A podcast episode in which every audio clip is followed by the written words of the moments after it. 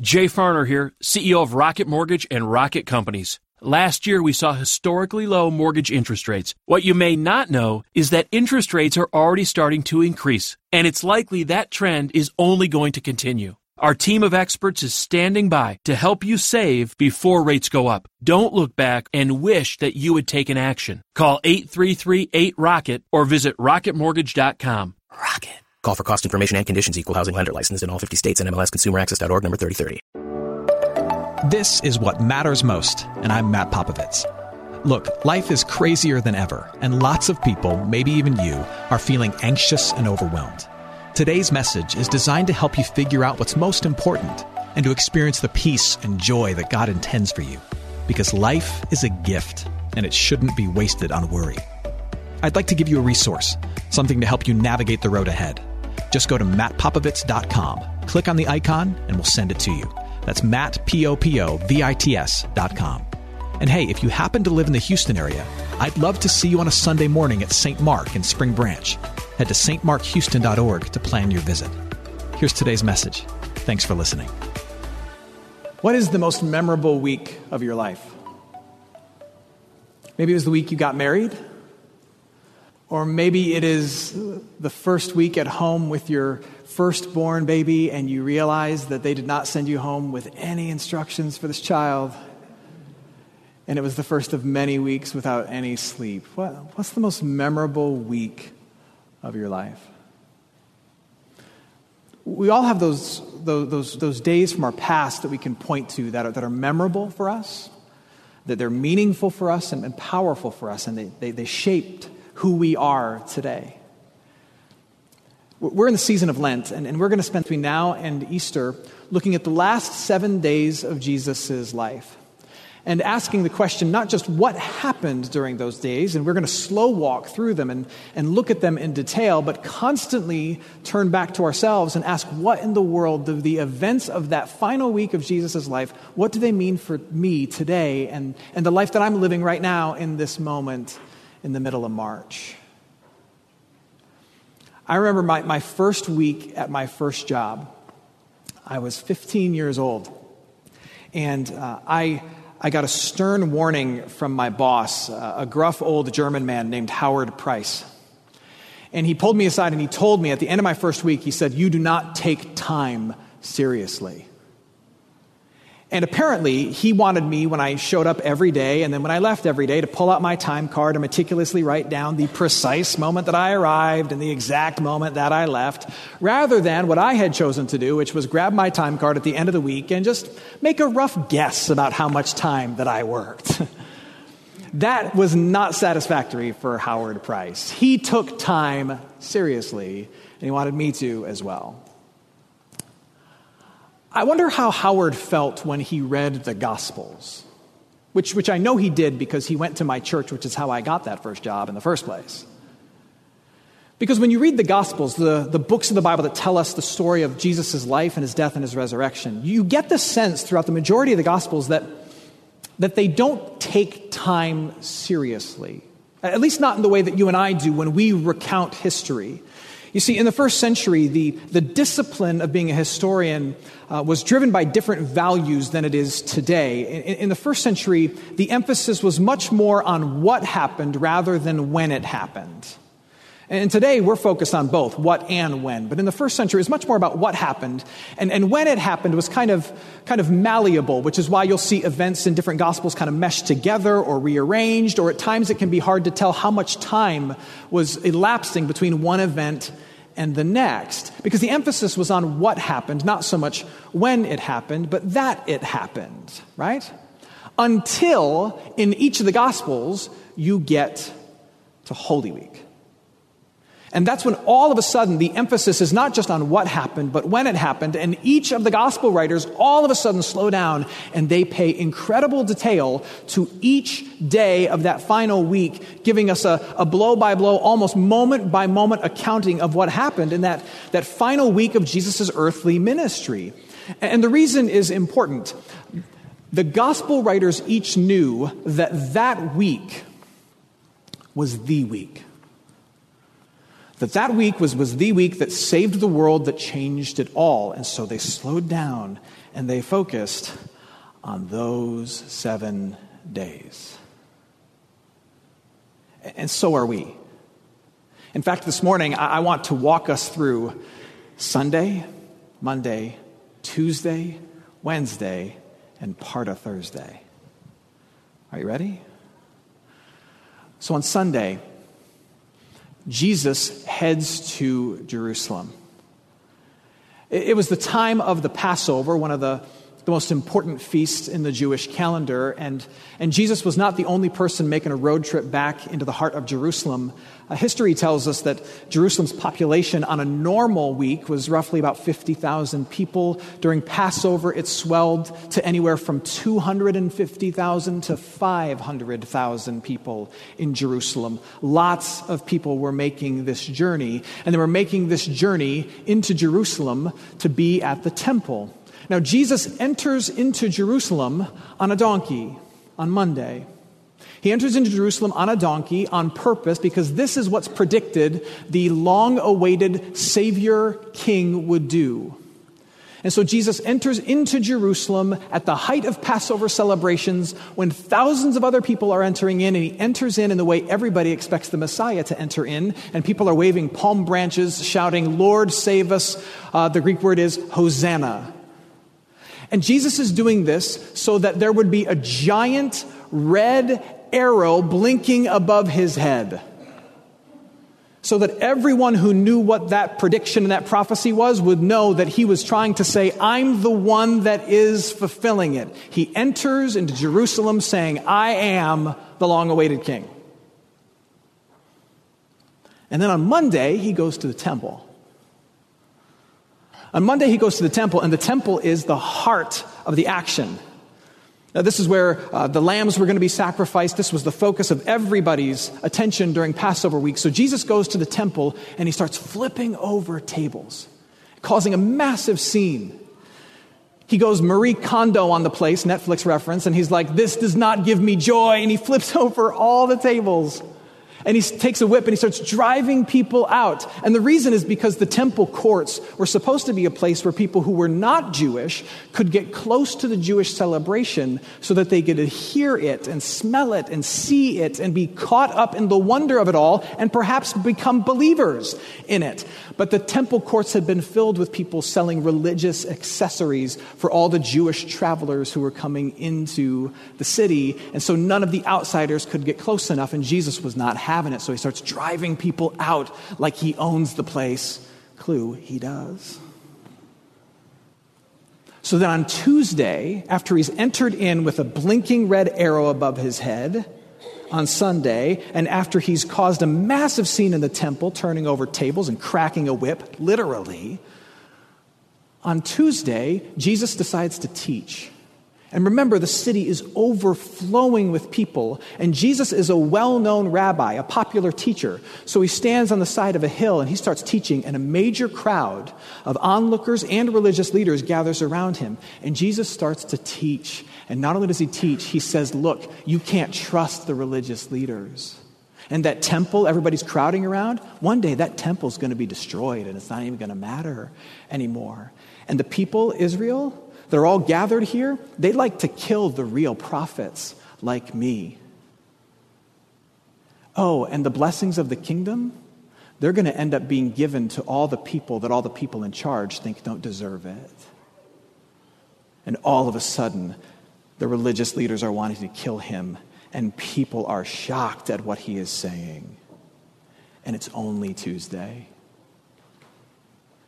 Sunday, Monday, and Tuesday in the final week of Jesus' life serve a very specific purpose, and they are meant to give to you and me one profound point, and it's this that Jesus enters Jerusalem in total control of what's about to happen to him in that week and asserting himself as the Savior King. Jesus is in control and he is asserting himself as the Savior King. Everything that is about to happen in the rest of that week, Jesus wants to happen which is important to understand because in the rest of the week, Jesus is going to look very weak and he will be weak. He's going to look like the victim and he will be victimized. He's going to be beaten and bloodied and bruised and ultimately murdered unjustly and put in a tomb. But don't be deceived. Jesus is not out of control. Everything that is about to happen, Jesus wants to have happen. And Jesus enters Jerusalem asserting himself as the king and instigating the confrontation that will lead to his coronation on a cross. He is the king and he is in control, which is why he rides in on a donkey, why he causes a stir in the temple, and he says outrageous things with thousands around him at the height of the Passover. He wants every single eye on him.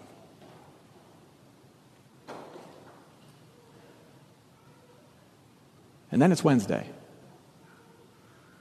It's Wednesday, and everybody's waiting to see what Jesus will do next.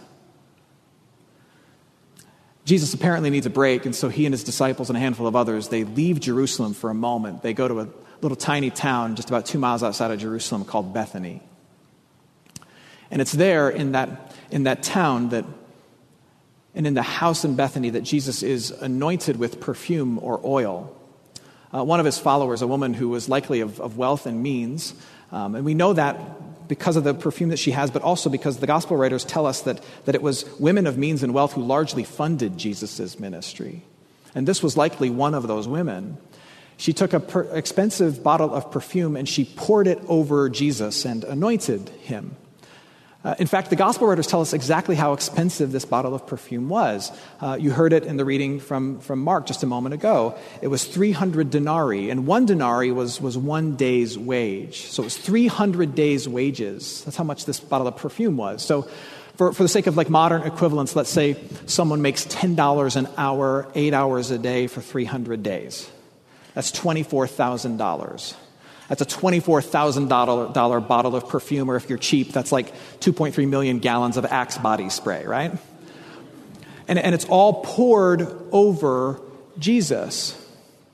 And, and people would be anointed with perfume or oil for two reasons. Remember, Jesus had just asserted himself as the Savior King. And, and in the first century ancient world, uh, people of, of high position and authority, like a king or, say, a high priest in the temple, people who were said to have been chosen by God for their role, would often be anointed with, with oil or perfume poured over them as a sign, a symbol of, of God choosing them and setting them apart. So it makes sense that this follower would say, Jesus is the long awaited Messiah king. Let's anoint him because he's God's chosen one. Let's pour perfume on him. But then Jesus turns the table and he says, Oh no, she's not anointing me because I'm the king, though I am the king. She's anointing my body for burial, which is the other reason why you would pour oil or perfume all over someone. It was an act of hospice care for someone who was imminent for the grave.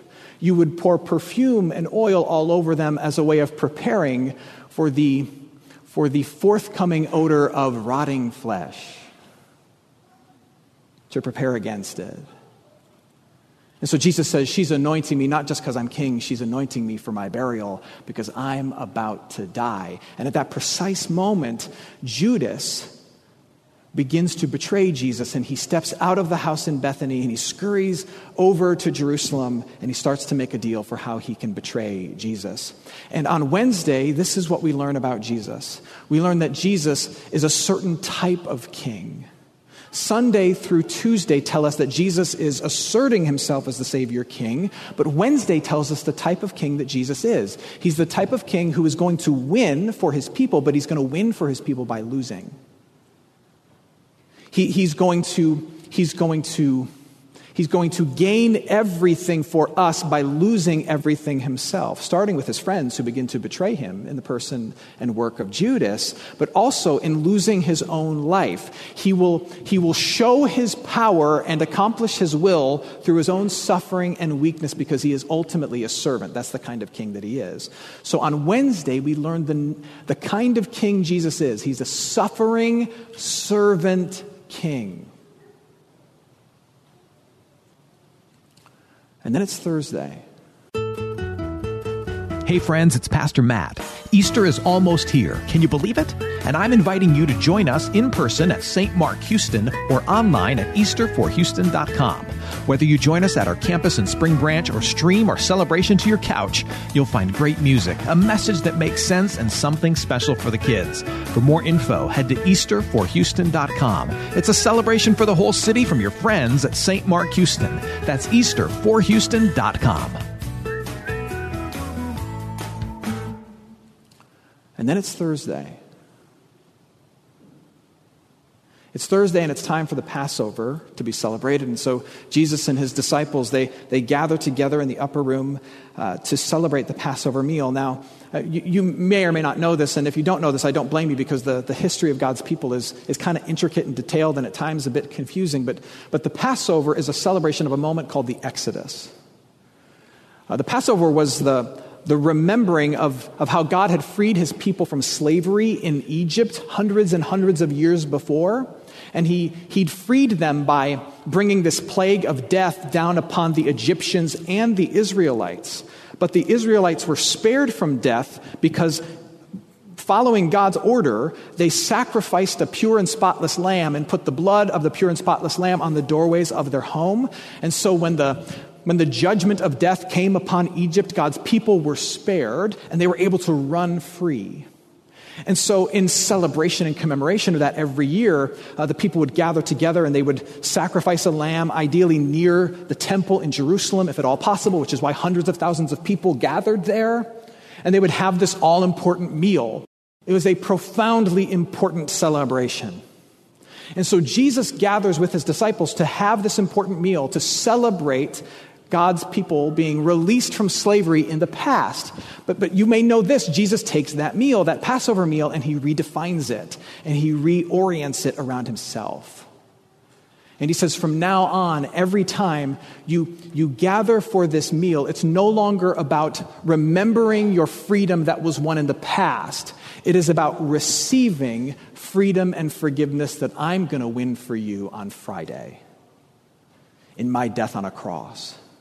And so he takes all the elements of that Passover meal and he says, This wine, this wine now forevermore is my blood shed for you. And this bread, this bread now is my body given for you. And now every time you gather around this meal, you will have me with you and you will taste the freedom and the forgiveness that I'm about to win for you on the cross.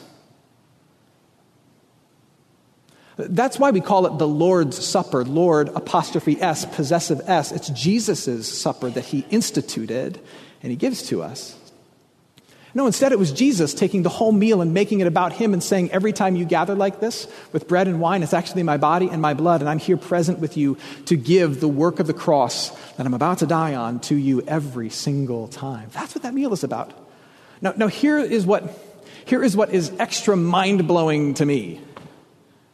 Judas was at the table. The one who the day before had left to go instigate this crime against Jesus was back at the table.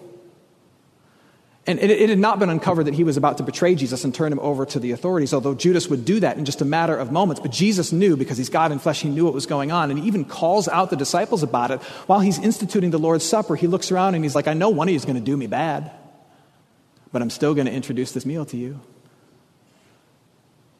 And that's the, that's the just mind blowing beauty of this.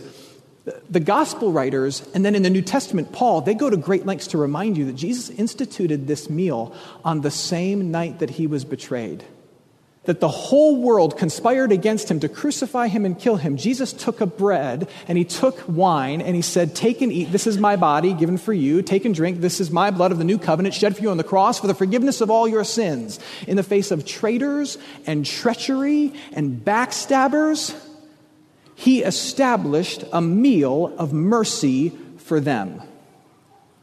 On the same night he's betrayed,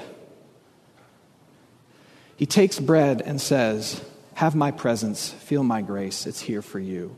And it's a meal that's still being doled out in the presence of the treacherous and the traitorous and the unworthy today. It's still being offered. And what Thursday night of the last week of Jesus' life tells us, it tells us about the nature of his kingdom. The nature of his kingdom is one of profound, undeserved, incomprehensible grace and mercy. Here's the kind of kingdom Jesus has established. He's established a kingdom where even if you're Judas, you're invited to the table with Jesus and he offers you mercy and grace and forgiveness and love. Now, Judas didn't take him up on it, but you do. And I do. That's the nature of his kingdom. That Jesus can be trusted in the middle of your struggle. And here's why he can be trusted in the middle of your struggle because he, unlike everybody else, he knows the full weight of whatever pain you're experiencing. He knows your pain, he knows it. And you're, you're here this morning, and maybe you, you know death, you know betrayal, you know heartache, you know worry.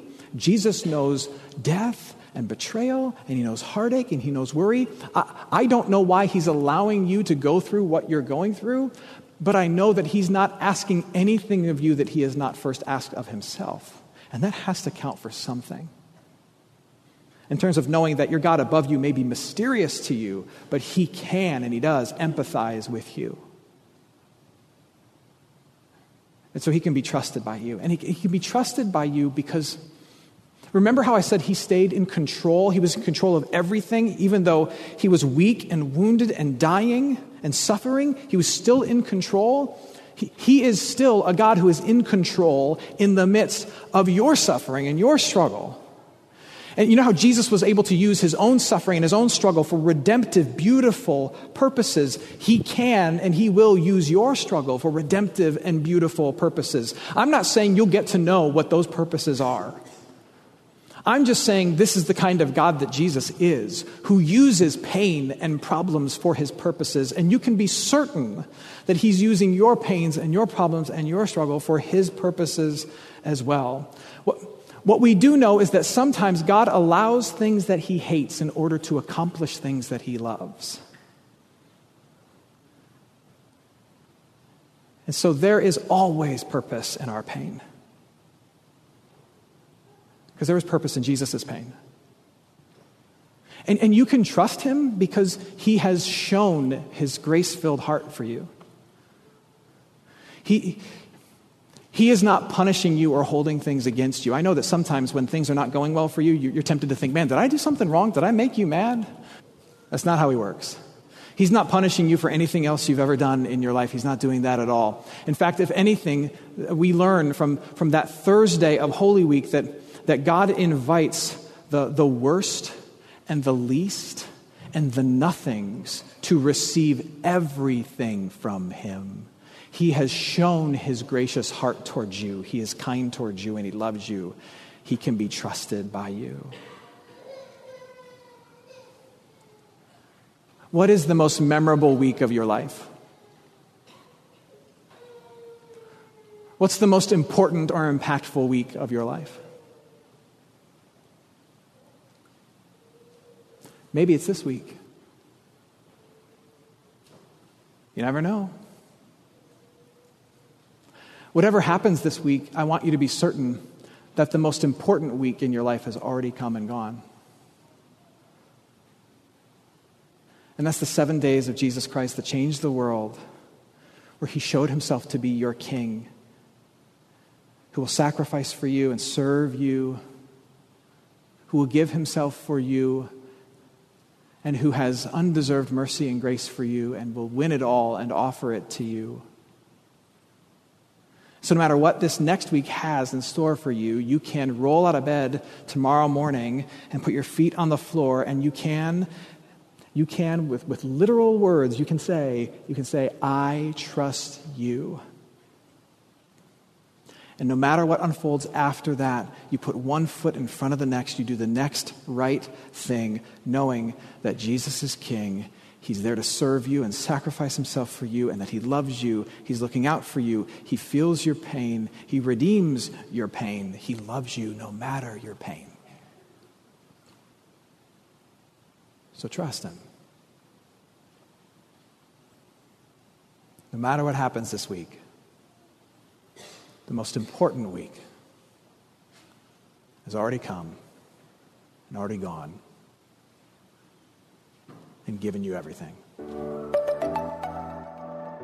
Hey, it's Matt. I hope you enjoyed what matters most.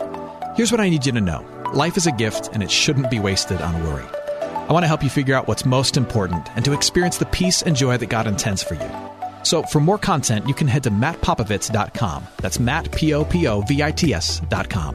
There, you can also support this ministry as well as access your free resource, a little something to help you navigate the road ahead.